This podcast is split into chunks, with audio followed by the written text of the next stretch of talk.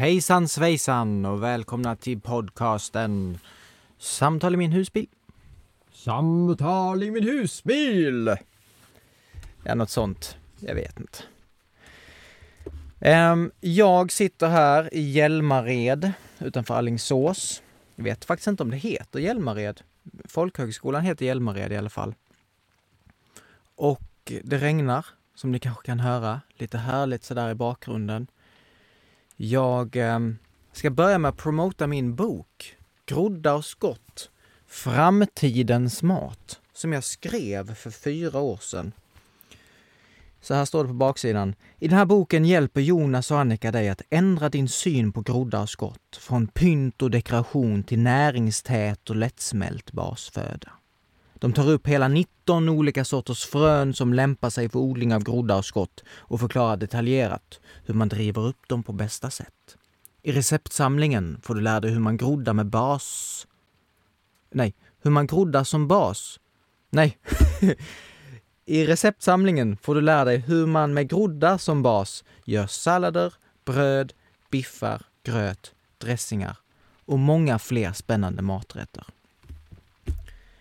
Jag skrev den här boken under kanske något halvårs tid och fick hjälp från Annika Kristensson med bilder och vi pratade om hur boken skulle vara upplagd och så. Och den här boken har faktiskt sålts i, jag tror, jag vet inte exakt, men runt 10 000 exemplar. 10 000! Det är sjukt mycket. Utan ett bokförlag. Utan jag sålde den genom min hemsida, Sproutly, som jag skapade. Och vi kommer komma mer till det, um, för jag, på tal om att skapa företag och så vidare, så har jag en idé om den här podden. Men, men innan vi ger oss in på det så vill jag också säga att om man vill köpa den här boken av mig, det, det kan bli, och jag vill att det ska vara ett sätt för er lyssnare att sponsra mig så kan man få köpa min bok för 199 kronor. Och då swishar man 0722 05 2122. 199 kronor till 0722 05 2122. Så swishar jag, eller nej, jo, vi kan säga det. Jag swishar boken till er på något sätt. Jag skickar den. Ni får skriva med adress så skickar jag den. Um, Ja, men då kom jag in på det också som jag ville säga. Jag har inte riktigt förberett det här, men, men det ska jag väl klara av. Jag eh, gillar det jag gör och det känns som att jag vill fortsätta med det jag gör. Och eh, jag vill inte göra det själv. Jag vill eh, både ge, e, erbjuda människor att få hoppa på projektet, eh, samtal i min husbil, men också att jag behöver stöd ekonomiskt till samtal i min husbil. Så jag kommer att erbjuda eh, en möjlighet att bli delägare i det potentiella aktiebolaget som startas eh, i då med eh, namnet Samtal i min husbil. Där man kan få lov att få äga aktier beroende på hur mycket man har sponsrat mig under resan. Så när jag har 1000 lyssnare per avsnitt under fyra avsnitt på raken, så det är, det är inte bara ett avsnitt utan det ska finnas lite stadga i det. Då startar jag ett aktiebolag och de människorna som har sponsrat mig med pengar kommer att få eh, så pass mycket aktier som vi har eh, pratat om att man ska få. Så om du lyssnar och känner wow, här är en möjlighet för mig att potentiellt kunna bli delägare, eh, passiv delägare såklart, men man kan hova in kachetas om, om, om podden skulle bli så att den börjar tjäna pengar och så vidare och så vidare. Så om, man, om det här låter intressant så kan man skriva till mig på min mail bendrotjonas96 snabelagmail.com eller skriv på eh, smsa mig. Jag har ju sagt mitt telefonnummer. Eller skriv på Insta, spelar ingen roll. Um, det här avsnittet blir en slags, inte sammanfattning, men det kanske är en liten sammanfattning om min resa jag gjorde från Ystad till Haparanda som tog 56 dagar. Och eh, jag ställde en fråga på Instagram. Jag ställde en fråga, nej, jag, jag bad folk ställa frågor till mig. Så jag fick massor av frågor på Instagram. Eh, som jag ska svara på, men jag ska, innan jag svarar på dem så ska jag gå igenom lite vad som hände på resan. Jag, jag var ganska aktiv med de här eh, från Ystad till Haparanda avsnitten i början. Gjorde ju ett dag ett och sen ett dag tre och sen ett dag åtta. Men sen så blev det lite längre perioder emellan och nu så var det väl 20 dagar sedan jag gjorde ett avsnitt tror jag. Om inte mer.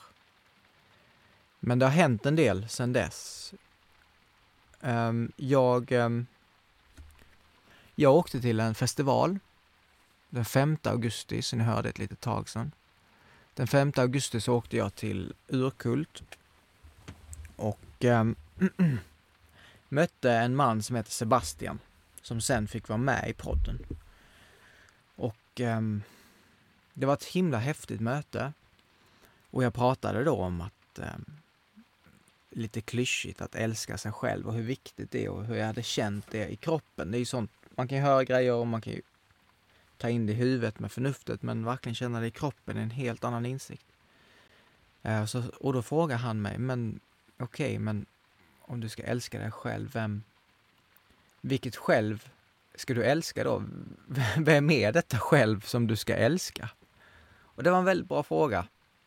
Och det är det, för jag är ju lite religiös av mig. Ehm, psykoanalytiskt religiös alltså i beteckningen att jag är medveten om att det behövs en tro för trons skull. Och sen i slutändan så ska vi släppa taget om tron för vi vet om att det ultimata är så mycket mer än det jag tidigare har trott på. Så, så, så min religiösa relation ut. Um, och när han sa så, men vilket själv ska man älska? Vad är detta själv som man ska älska?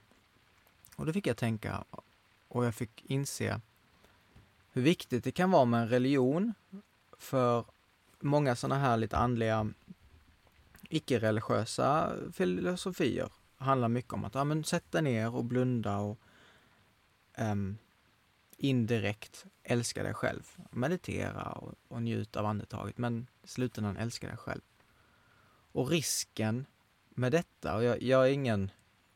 Jag vet inte om jag har rätt att berätta för folk vad, vad som kan vara farligt eller inte farligt, men jag gör, gör det ändå. Risken med detta kan vara att eh, vi älskar egot i oss själva. Det är som det själv som vi själva har skapat, det själv som har hittats på. Ja, men Jonas, podcast Jonas, ja, jag älskar podcast Jonas. Älskar grodd Jonas, som jag kallade mig förut.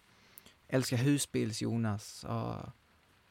snickar-Jonas eller vad jag än, vilken identitet jag än anammar, så sitter man och älskar det självet. Och därför kan det behöva, tror jag, en trosuppfattning eller en religion som tar en på en resa. En lång resa, för det, det gör man inte på en dag. Där man lär sig att släppa taget om sig själv och älska det nya självet som vaknar upp i en. Och inom kristendomen så låter det ju så här. Jesus säger du måste förneka dig själv, när, när lärjungarna frågar hur kommer vi till himmelriket så säger Jesus du måste sälja allt du äger och följa mig. Um, och himmelriket är ju en plats som finns inuti oss själva, det har vi fått lära oss från bibelversen. Eh, himmelriket finns inte där eller där, ty himmelriket finns inombords. Ehm, det står i Bibeln, du måste mista ditt liv för att finna det. Det är alltså någonting som måste mistas. Någonting måste försvinna och sen så för att någonting eh, så måste vi finna någonting.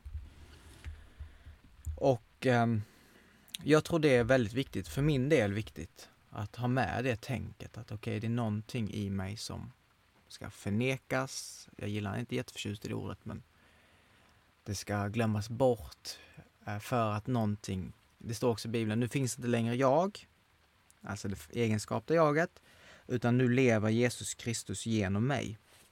Och det står också i Bibeln, mycket bibelverser här, men det är, det, det är Bibeln jag kan eh, skulle jag kunnat Bhagavad Gita så skulle jag säkert citerat liknande grejer fast från Bhagavad Gita.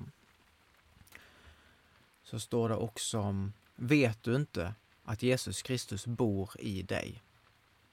Så när vi pratar om Jesus Kristus så, så tror jag det är viktigt att vi står att Jesus, att Kristus är så mycket mer än en man som, som, som gjorde grejer på jorden för 2000 år sedan, utan Jesus Kristus är en symbol för mitt sanna jag. Um, och genom att tro på de här grejerna, verkligen, verkligen tro, så kan, um, så kan vi nå stadier i oss själva. Vi kan fördjupa oss i oss själva. Vi kan komma mycket, mycket djupare i oss själva på grund av de här olika berättelserna, filosofierna, teorierna, begreppen, för att de ger oss en säkerhet. Om vi bara skalade bort allt och vi bara sa, ja ah, men hallå, allt är bara ljus, allting är bara 99,99% tomrum med magnetism och, och, elektriska vågor och så vidare. Om vi skalade ner allt så långt och sa att ja, och så är det bara kärlek och du är bara kärlek. Men va? Vad är det? Va? Jag fattar ingenting. Jag fattar ingenting. Det är så långt bort. Men det kanske är det, kanske är det sanna. Um, det kanske är så det är. Men vi människor, precis som alla varelser, har ett eget perspektiv på världen. Larven ser på världen på ett sätt. Örnen ser, alltså nu menar jag bildligt talat, örnen har ett annat sätt att se på världen. Det är andra färger, det är andra... De ser olika saker och vi människor ser ett sätt på världen utifrån våran överlevnads skull. Så vi ser saker och det finns saker som vi inte ser för att vi är människor, vi är begränsade varelser med begränsade seenden. Och den andliga vandringen handlar om att eh, det var på något sätt att säga, ja men vi tycker det här livet är så spännande, vi, vi är intresserade av att få se lite, lite mer. Så har jag nog aldrig uttryckt det förut, men jag tycker det funkar. Um, så efter jag var på ehm, Urkult så kom jag till en kyrka i Örnsköldsvik. Jag blev ditbjuden med Malin och det var där jag träffade Poja som sen var med i avsnittet. Poja som är en präst eh, och kommer från en muslimsk familj och hade med, var med om brutala, fruktansvärda grejer i sitt liv och var knarklangare och sålde vapen och var med i gäng och redan vid 12 års ålder men jag mötte en kille på den här, i den här kyrkan och det är en ganska konservativ kyrka och han, han sa till mig, ja, alltså, är du kristen eller är du inte kristen? Så sa jag, ja, jag vet inte, jag, för mig är det inte så viktigt med de där begreppen. Så berättade jag om att jag sjöng Hare Krishna och jag gillar Buddha, jag sitter i buddhistiska tempel och jag, jag, jag följer, jag, jag blir ledd. Jag begränsar inte mig själv utan jag leds dit jag ska. Och då sa han att ja men du, eh, det finns ett nu, nu, nu överdriver jag ju såklart, men han sa i princip att ja, men det finns ett helvete, så du vet. Och eh, det är mycket möjligt att du kommer till det här helvetet om du inte väljer Jesus. Och så sa jag, men jag har valt Jesus, Jesus som bor inuti mig själv. Himmelriket som finns inuti mig. Det, den Jesus har jag valt. Um, eller valt och valt. Sebastian som jag träffade några dagar senare pratar om det här så himla bra att att en kristen väljer någonting en gång och så, så, så ser man det som att ja, men nu är jag kristen, nu, nu så är jag frälst. Men han pratar om att det är någonting som vi måste välja varenda, varenda stund. Det handlar om att välja att se klart vilken symbol vi än väljer ha, att se klart varje sekund.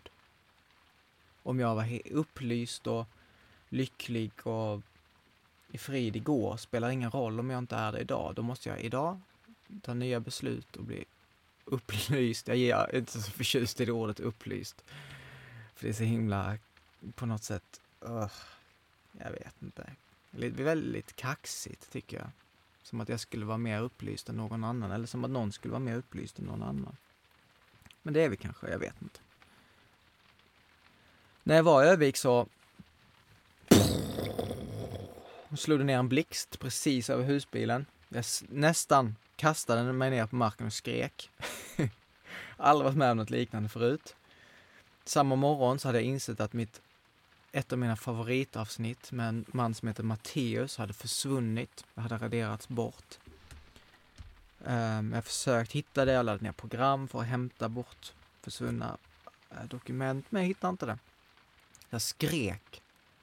Jag skrek allt vad jag kunde av sorg och frustration. Mycket så aktivt för att jag visste om att jag behöver få ur mig det här, jag behöver skrika ur mig det. Men um, Ja, det, det hjälpte ju inte. Jag var ju ledsen då, men det kanske ändå hjälpte. Och sen efter det kör jag till ICA och där väl på ICA så glömmer jag handbromsen. Så när jag står på parkeringen så tittar jag ut, så känner, eller så känner jag först. Jag står inne i bodelen då och känner, ja, gungar lite konstigt. Blåser? Nej, blåser ingenting. Varför är det bilar som kör runt om? Vad fasken är det som händer? Sen så inser jag att shit, jag rullar fram på parkeringen nerför en liten, liten kulle mot en bil. Så jag får ju panik, kastar mig fram med huvudet före som himla Stålmannen. Ni vet som Stålmannen slänger sig med huvudet före, eller ah, kny, knytnäven före sådär. Och kastar mig så mot handbromsen. Krockar in i en bil. Ah! Går ut ur husbilen, kollar, är det någon som har sett mig? Nej, det var ingen som verkar ha märkt någonting. Jag kollar på bilen framför. Alltså, det var inte hårt. Jag fick det låta som att det var mycket hårdare. Det var inte snabbt. Jag hann bromsa och så var det så liksom... Så jag såg inga märken. Det var ingenting som hade hänt. Jag kollade på bilen. Eh, så jag körde och jag, jag parkerade och så gick jag in Um, ja, så att det, var, det var en fruktansvärd förmiddag för mig. Det var ingen bra förmiddag. Ehm, um, möt, hade podden med Poja och sen um, åkte jag till Sebastian dagen efter upp till Umeå för jag kände att Poja var ganska nischad på sin sak och jag hade haft med mycket nischade jag har haft med Simon, jag har haft med um, Boel, Marie, jag har haft med Nunnan och nu hade jag med Poja. Det kändes som att ah, jag har haft med mycket kristna. Jag behövde ha med en annan version av kristendom, en version som många kristna kommer kalla antikrist. Eh, satans verk. Så, så jag kände att jag behöver ha med sånt. Och för jag också kände att jag hade behov av att lyssna på Sebastian. Så Sebastian pratade om en kurs i mirakel och en kurs i mirakels slogga skulle man kunna säga är Ingenting verkligt kan hotas. Ingenting overkligt kan existera. Alltså om det, du märker att någonting i dig hotas är det därför inte overkligt. Det är därför overkligt. Och om det är overkligt kan det inte existera. Det, här, det handlar om egot och om att inse sin fulla potential. Um, det är en spännande bok. Skriven av en kvinna som kanaliserade all information under sju års tid. Alltså hon hämtade liksom bara hem, hon bara skrev. Liksom. Uh, det kan man ju ifrågasätta såklart, men jag tycker det är väldigt spännande. Jag gillar sånt. Nu börjar det regna lite mycket känner jag. Jag, jag, jag sänker um, sänker intaget av ljud och så pratar jag lite närmare micken får jag göra. För det är ändå gött att höra regnet, eller hur?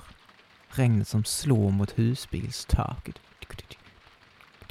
Jag kan inte efterlikna det, men ni hör. Um, ja. Och jag fick en, en bra liknelse till hur man ska kunna förstå så här att ja, men, det finns någonting mer än jag. Hur ska vi kunna tänka oss till att det finns något mer som jag inte känner till? Om vi kollar på vår kropp, om vi kollar på vår fot, så är jag medveten om foten. Jag kan se på foten och veta att jag har en fot och den är längst ut på, min fot, på mitt ben. Men foten är inte medveten om mig. Foten vet inte om att den är en del av mig, den bara är. Och på samma vis, även fast det finns fysisk space mellan oss andra och vi är en, så här, en enskild, enskild varelse fysiskt sett, så tillhör vi en annan kropp, en, en, vad ska man säga, universums kropp. Och vi är ett med den, vi är en del av den. Men vi fattar inte det, för vi är den där foten som inte kan förstå att, vi, att foten är en del av mig. Och den, den liknelsen hjälpte mig lite att inse, okej, okay, men det är så, så är det ett förhållningssätt till Gud eller världssjälen eller vad det skulle kunna kallas för. Um, och Poja pratade mycket i sitt avsnitt om att ja, men sanningen är objektiv, sanningen är objektiv. Det står så här i Bibeln, du måste först gå igenom Jesus Kristus.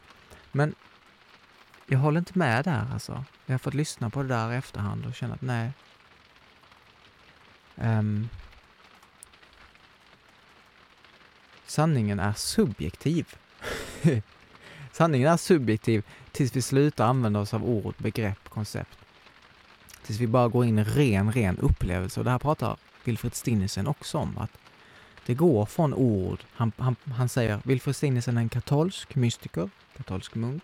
Och han säger till början så kanske vi läser en bok. Om vi ser meditation som en, en trappa mot total närvaro. Så till början så läser vi kanske en bok. Sen slutar vi läsa och så kör vi Jesusbönen, Jesus Kristus, förbarma dig över mig. Jesus Kristus, förbarma Och sen så bara övergår det till att bara säga Jesus, Jesus, Jesus, Jesus. Och sen så slutar man säga Jesus och så sitter man bara i tystnad. Många mystiker som pratar om detta. Eh, liksom begrepp och ord övergår till bara ren tystnad, bara till upplevelse. Så jag håller inte med om att sanningen är objektiv på det sättet att vi kan prata oss till att vi kan säga en objektiv sanning. Um, det tror inte jag på. Det är ganska skönt att uttrycka det för mig. Ta lite, ta lite ställning sådär. Ah, så är det inte! Och den kristna filosofin har jag också uppfattat det som, ser Gud som separat. Alltså att Gud, åh men man, man kanske är med om en andlig upplevelse så bara får man höra Guds röst eller någonting och så bara ah, shit, eh, Gud, Gud är Bibeln, Gud är kyrkan, Gud är Jesus. Men Gud, man, man missar att Gud finns i allt annat. I Efesierbrevet 4,6 så står det Gud finns i allting. Gud finns i allt. Även i eh, buddhistiska tempel, även i eh, Hare Krishna, Hare Krishna. Och jag tror det här är helt avgörande. Ärligt talat. För om man inte förstår att Gud också finns i Hare Krishna, då tror jag man, um, ja, med hjälp av det sättet att tänka på så tror jag man begränsar sig själv och har svårt för att nå djupare i den här andliga vandringen. Men det är bara mina tankar. Det är bara mina tankar och mina tankar är kända för att ändras År efter år. Japp. Så jag är den sista som ska skriva en bok om något sånt. För efter ett år så är den helt, helt eh, ändrad förmodligen. Jag, eh, vad ska jag säga mer efter avsnittet med Sebastian som var så himla härligt. Det var också avsnitt, båda de här Poja och Sebastian de kompletterade varandra väldigt bra. Jag rekommenderar starkt att lyssna på dem. Det var för mig kanske de två avsnitten som speglar mest min, min, min resa, min vandring. Um, och jag um, kom ner till Stockholm efter jag hade varit med Sebastian och träffade Evie, min, min bästis, min allra, allra bästa vän. Av alla, alla som lyssnar, alla, alla vänner jag har, så kan jag säga att Evie är min bästis och det är fantastiskt. Eh, jag har aldrig haft en bästis förut sådär, utan jag har alltid haft många bästisar. Men, och jag hoppas inte någon känner sig eh, åsidosatt, och det ska man inte göra. Jag har många bästisar, men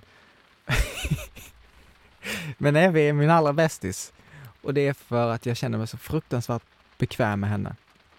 Jag kan vara mig själv till hundra, eller kanske inte till hundra procent, för det kanske man aldrig riktigt kan vara, jag ser den andliga vandringen mot en, en resa mot att kunna vara sig själv till 100 procent. Förhoppningsvis. Så Evy hjälper mig väldigt mycket att kunna vara till 100 procent med sig själv. Och där, det här kommer in på en annan grej, för jag sa så. Jag var på väg att säga att jag kunde vara mig själv till 100%. Och det här tycker jag den kristna filosofin är väldigt bra, för det är sådär, nej men erkänn att du är en syndare, du är en syndare som är oförmögen att se, du är en syndare som missar målet. Och då kanske många tänker, men vad är det för, vad är det för bra med det där? Och bara säga att man är syndare? Nej, vi ska säga att vi är fullkomliga.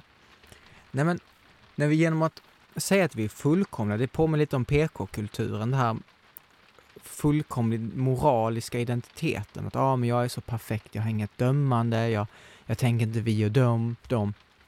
Och om vi, om vi anammar den här um, identiteten av att ha en moralisk identitet som är helt perfekt eller en andlig identitet där jag skulle ha kunna vara mig själv till 100%. Om jag säger sådana grejer, då tror jag kanske det.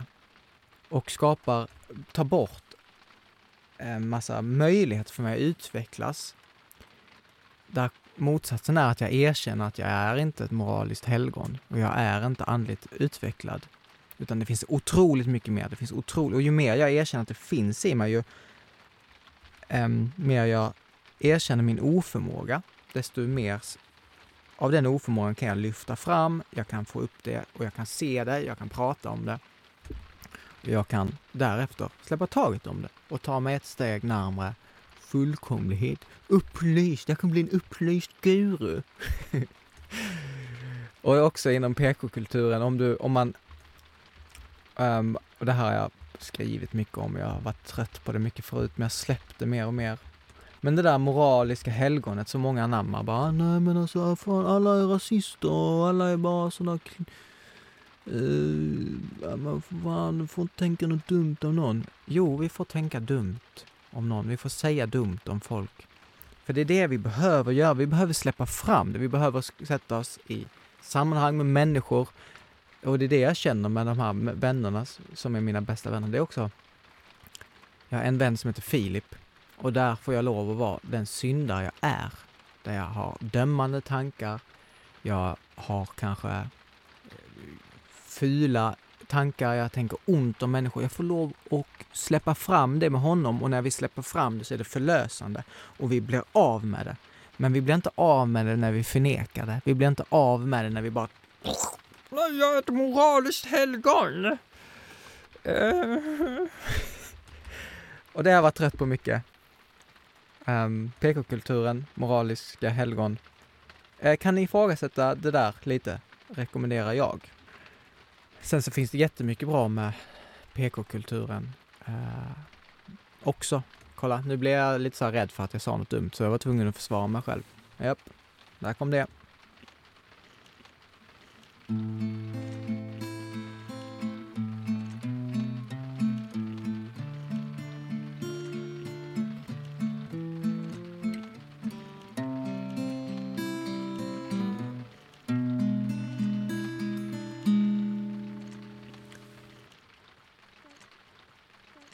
När jag eh, var i Stockholm så var jag livrädd för att bli rånad. Alltså, för att min dator skulle bli rånad i husbilen.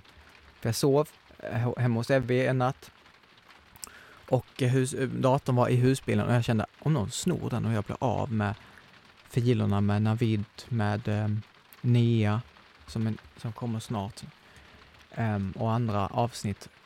Alltså, jag, jag, jag vet inte hur jag skulle hantera det. Så jag hade svårt att sova den natten. Åkte direkt sen och åkte till husbilen, insåg att jag hade glömt låsa dörren. Mm -hmm. Datorn var där såklart. Um, så det, var, det är ju för att jag förlorade det här avsnittet med Mattias som jag har gjort att jag har blivit rädd. För att förlora fler avsnitt. Och jag är rädd väldigt sällan, men det är en grej jag kan bli rädd för. Um, min uh, madrass hade möglat i husbilen. Jag och Evie skulle sova på taket. Vi tar ut den och jag inser shit, det är ju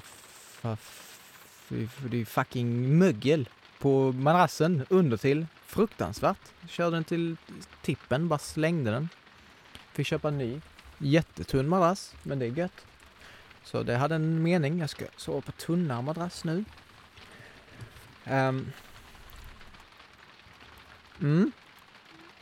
Mhm, mhm. Vi har, vi har en del kvar och jag har massa frågor att svara på.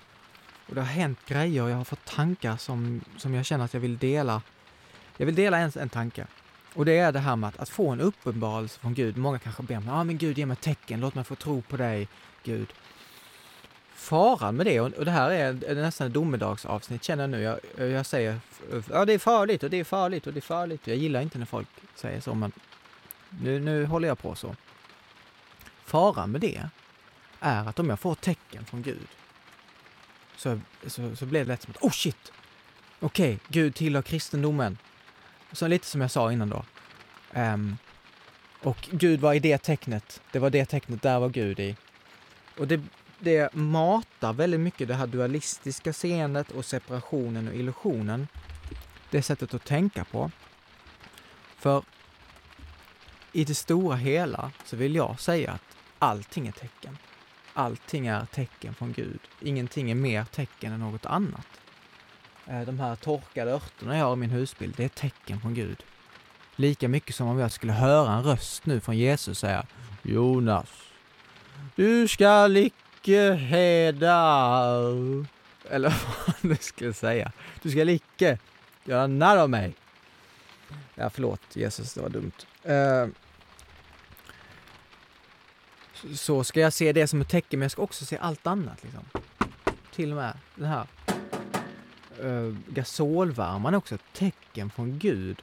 Och jag tror att när jag verkligen, om en människa som verkligen anammar det seendet, anammar den tron, så blir det som att allting är från Gud. Wow! Shit! Herregud, vad vackert allt är. Herregud, vad det är enkelt och, och, och, och fint att leva för alla de här olika tron, trosuppfattningarna vi har är ju för att vi strävar efter frid, vi strävar efter glädje. Um, I slutändan. Vi kan, jag tror vi kan intala oss att vi strävar efter andra grejer, men vad vi än, alla människor söker efter frid. Alla människor försöker efter att återfinna himmelriket som bor inombords. Um, Ja, sen efter, um, efter det, jag hade, ett, jag hade ett fantastiskt möte med Nia ute i Västerås och det kommer släppas i tre olika delar. Del 1, del 2, del 3 till och med. Det blev första gången jag släppte tre delar för det var så långt, det var så fantastisk livsstory. Och jag kommer släppa den under tre veckors tid, så det blir lite så här cliffhangers. Um, och Nia, hon har suttit i fängelse i USA.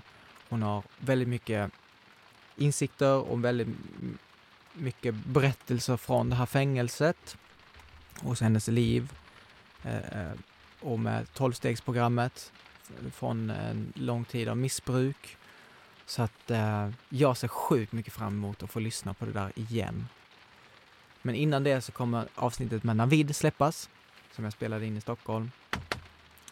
Och Eh, det är också ett kul avsnitt. Jag och Navid, vi spelar lite på guran, han sjunger lite och vi pratar om olika grejer. Det blir inget livshistoria avsnitt utan det blir bara ett samtal mellan mig och Navid.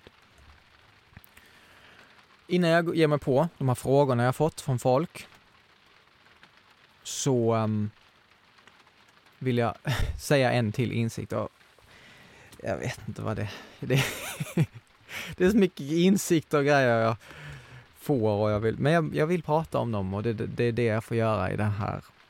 Så jag gör det nu. 24 augusti har jag skrivit. Himmelriket kommer att framstå som dårskap för en oandliga. Det är ett uttryck som Helgon har pratat om, som jag har läst om. Eh, att himmelriket, jag pratade med den nunnan eh, också, och himmelriket, och hon sa det också, himmelriket kommer att framstå som dårskap för den oandliga vi kan utgå från att vi alla är oandliga. För det mesta. Ibland är vi kanske är i ett andligt tillstånd, men för det mesta är vi alla oandliga. Så vi kan utgå från att det andliga himmelriket, det gudomliga, det kommer framstå som dårskap för mig. Så om du lyssnar på den här podden och känner mig wow, vilken dåre. Ja, då, då är det förmodligen då är det förmodligen någon riktlinje mot himmelriket, hör du. Men det var, var inte det jag skulle säga. Mm -mm. Uh, så genom, okej, okay, om himmelriket kommer framstå som dårskap, då vill jag ta med människor i den här podden som, som har budskap som kanske framstår som dårskap för många eh, som framstår som galenskap. Och ju mer andliga vi blir, kan jag tänka mig, ju mer vi förstår att allting är ett. Jag är ett med allt. Ja. Vi är samma. Jag kan titta på en människa och känna att vi, vi hör samman. Ju mindre dårskap tror jag det kommer framstå som. De här olika himmelrik, versionerna av himmelriket. Um, så genom att lyssna på människors livshistoria, som man gör i den här podcasten, så kan vi sympatisera med dem. Vi kan känna, wow, vilken empatisk och klok människa. Hur kan den tänka något sånt galet och dåraktigt? Och därmed, ja men eftersom personen är så sympatisk och klok och insiktsfull, då kanske jag också ska, faktiskt ska ge det här en liten chans. Och bara, ja men, men jag testar nu någon vecka för till skillnad från om vi bara hörde det här dåraktiga budskapet och vi bara liksom viftar bort det för att, för att det var dårskap. Så därför tror jag det är bra att kombinera budskap tillsammans med livshistorier. Det är ju nischen för min podcast, hör ni. Och den har byggts fram efterhand. Som jag sa när jag startade podden, nischen, det kommer byggas upp efterhand och det är där vi är nu. Budskap kombinerat med livshistorier. Frågor som jag fått på Instagram är om jag önskar att jag slapp något från resan, vad vore det? Jag hade en fruktansvärd natt där jag var någonstans långt upp i Norrbotten och hade glömt eh, fönstret pyttelite öppet, en centimeter öppet. Och jag tror jag fick in 40-50 mygg i husbilen. Och de bet mig konstant. Jag vaknade, jag var så fruktansvärt arg, jag kastar grejer, jag skriker och eh, slår ihjäl varenda jävel. Jag njuter av att mörda dem. Mörda dem. Myggjävlarna. Slår ihjäl dem. Uh! Puff! Och sen så går jag och lägger mig och så försöker jag täcka ansiktet men man får ingen luft, man måste ha lite öppet. Myggbett. Hela tiden. Jag fattar inte, hur kommer de in? Jag går upp, jag försöker öppna upp fönster eller kolla var är det öppet, var, jag hittar inte. Jag klättrar upp på taket, försöker täppa igen så himla hål in genom fönstret, näthål då, som inte myggen ska ta sig igenom. Det var inte där heller, fortsätter ta sig in. På morgonen sen inser jag att det är ett fönster som är så här en centimeter öppet. Och där har de jävlarna tagit sig in. Det kunde jag varit utan faktiskt. Um, vad har varit mest lärorikt? Usch, det är fruktansvärt svårt. Men eh, jag ska säga det första som kommer upp. Vara själv. Gå runt själv. Njuta av min egen eh, närvaro. Lyssna på mig själv när jag redigerar och känna wow, men vilken härlig människa Jonas är. Um, och vad fin han är, vilka bra insikter han har. Um, det där icke-dömandet mot, mot mig själv, uh, att bygga upp självförtroende, att bygga upp självinsikt, självkärlek, det har nog varit det viktigaste och det har jag gjort mycket för att jag har varit själv. Jag har gått runt själv väldigt mycket. Och njutit. Inte alltid. Usch, det har varit mycket det har varit jobbigt för hälften av resan har bara varit jobbigt och jag har känt ah, att bara mått dåligt mycket. Som vi gör, vi är människor, det går upp och ner. Men um, ja. Vad bästa knep för att samtalen ska vara avslappnade och nå djupet? Eh, det första som kommer upp för mig här är att eh, jag är öppen, att jag delar med mig av mig själv, att jag visar mig sårbar. Um, det tror jag har varit viktigast och är viktigast. Till skillnad från en annan intervjuare som är väldigt så, kanske enligt mitt, min um, åsikt kan vara väldigt stängd och stel och ska bara ge ett perspektiv från uh, den som eh, delar. Men om jag också delar och sen det här vet ju inte ni, men ibland så delar jag någonting men så tar jag bort det i själva avsnittet. Men jag kanske behövde dela det för att få den som pratar att känna att oj, men om Jonas öppnar upp sig, då kan jag också få lov att öppna upp mig. Um, mm. Okej, okay, och det, det är bra knep tycker jag. Och det, det är knep som är alla istället för att komma till människan människa och man känner att men det, är kall, det är lite stelt och man, det är en fest kanske eller man går till någon och säger men jaha hej vad jobbar du med då? Vad studerar du? Så säger man yo shit alltså fasiken vad jag har känt mycket längtan i min kropp på sistone. Jag har längtat mycket efter, jag vet inte vad det är. Jag vet inte vad det är jag längtar efter, men när jag går runt i matbutiken och letar efter mat så känner jag, jag, jag, jag hittar inte det någonstans, ska du veta. Och så kan man prata om något sånt istället och alla människor uppskattar det. För att när jag öppnar upp mig, då öppnar andra upp sig. Så är det. Men om vi tycker att vi har svårt med sådana situationer, det känns stelt och det, då hänger det på en själv. Du måste öppna upp dig för fan. Öppna upp dig. Ja. Kommer jag göra fler resor? Japp. Yep, baby. Det kommer jag göra. Antingen nästa till höst. Um, vi får se lite vad som sker.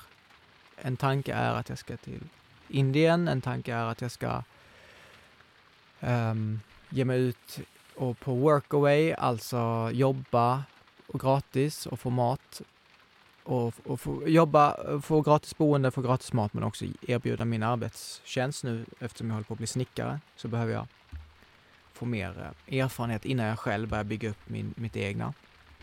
Det är en tanke, jag skulle vilja ta båt över till Sydamerika, det är en tanke. Så det är mycket utanför Sverige med tåg eller båt eller buss. Det är själva resan som är mäktig, det är det jag har fått lära mig. Det är, resan är resan. Det är inte målet. Jag ska komma till en strand och ligga där och sola och fan, jag ska läsa en bok. Ta det lugnt. Nej, det är resan dit. Visst, det kan vara härligt att ligga på en strand och läsa en bok, men gör inte det varenda semester. Um, största erfarenhet av att åka på lång roadtrip helt själv. Jag var lite inne på det. Det är härligt och det är bra att vara själv.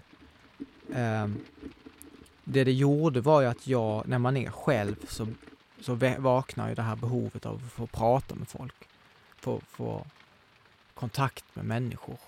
Och har man en, någon man känner då så gör, gör man ju det med den man känner, men har man någon man inte känner då ger man sig ut på äventyr, pratar med främmande människor, hittar folk till podcasten på så sätt. Um, mm. Har jag, känt mig, har jag känt mig hemma eller har jag längtat hem? Jag har känt mig väldigt hemma. Jag känner mig väldigt hemma i min husbil. Jag blir mer och mer att jag känner att jag inte har ett hem sådär. Jag, jag åker inte hem. Jag har ju familj och, så nere i Skåne.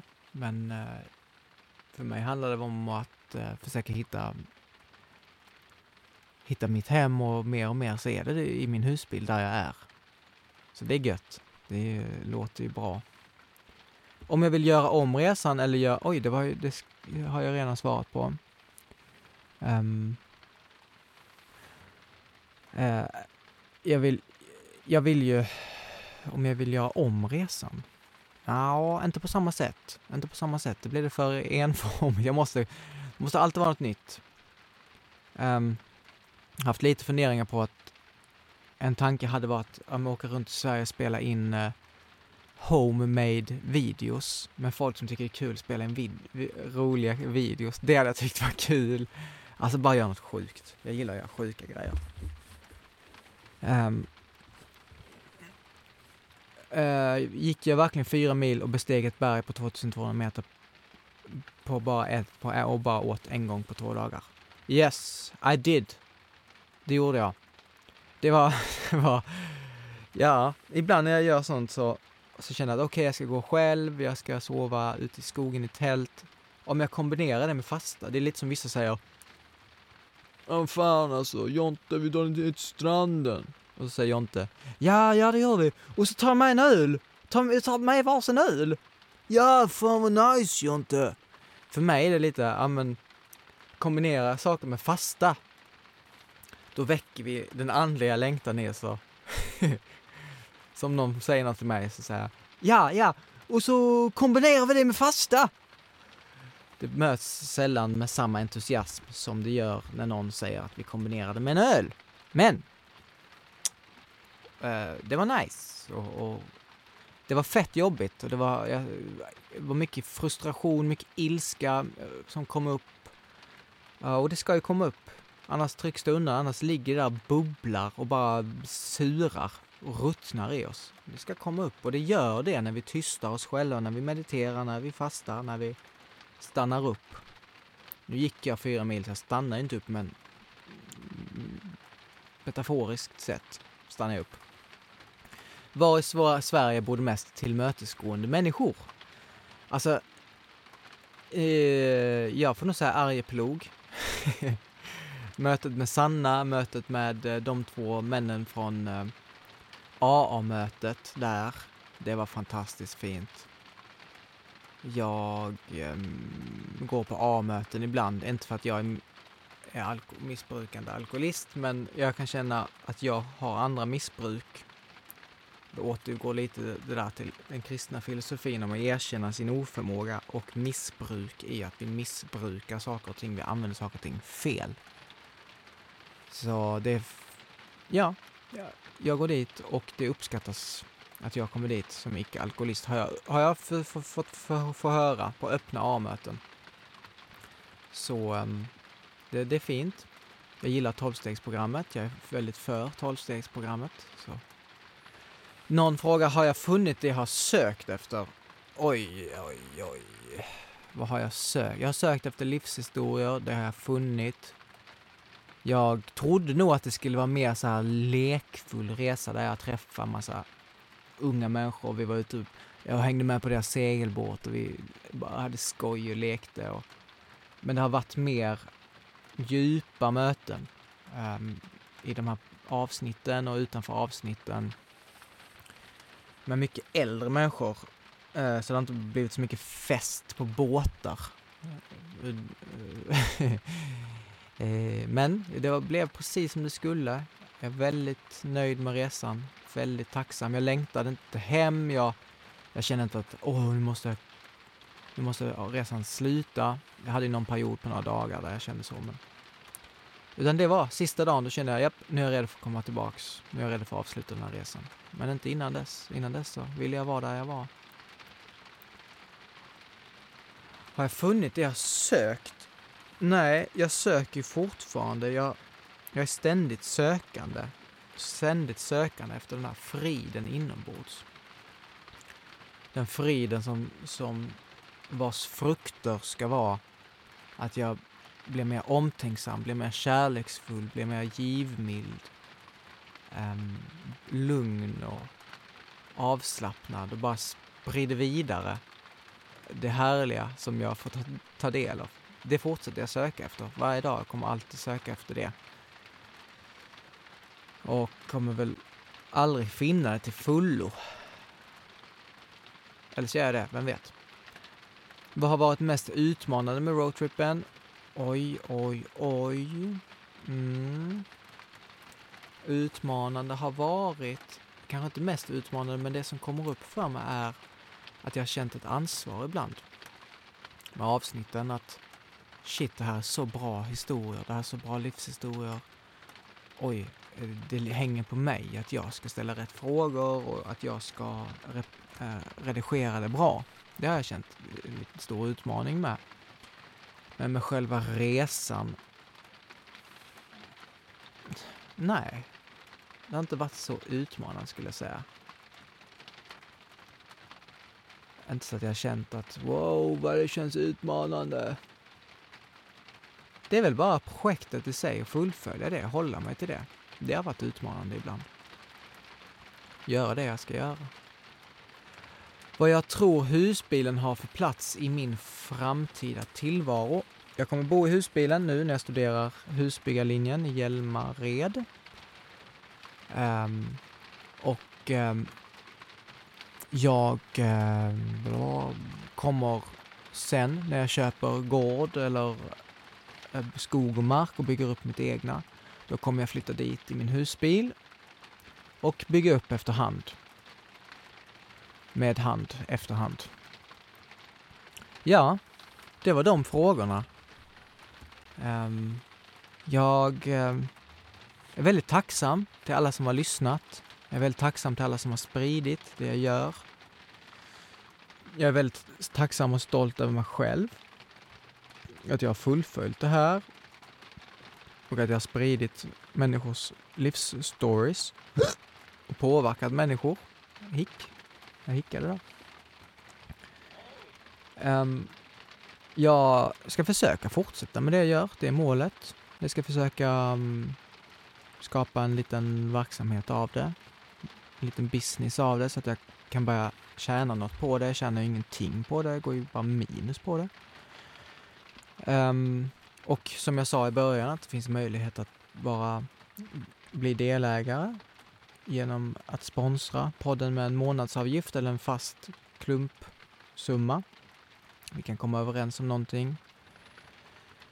Eh, jag vill inte ha för många, jag kanske vill ha tiotal, så det gäller de som är villiga att ge. Eh, det handlar inte om 50 kronor i månaden, utan det handlar om lite mer än det. De som verkligen tror på projektet och är villiga att satsa. För det är det jag har gjort. Jag har satsat pengar, jag har satsat tid och jag vill göra det här tillsammans med människor som tror på det jag gör. Som vill vara delaktiga på något sätt, eller inte delaktiga utan bara ekonomiskt delaktiga.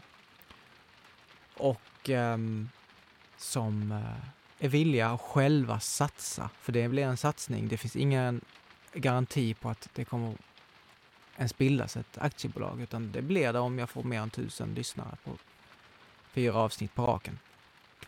Yes! Och som sagt, vill man sponsra det jag gör, köp min bok Groddar och skott, framtidens mat genom att swisha 200, 199 spänn till 0722 05 21 22. Tack så mycket för att du har lyssnat. Vänligen sprid avsnittet, dela med dig av det om du tycker att jag har sagt något som är, är bra eller, eller rent av dårskap. Då får du jättegärna sprida vidare. Sprid vidare dårskapen. Um, du är grym, du är fantastisk.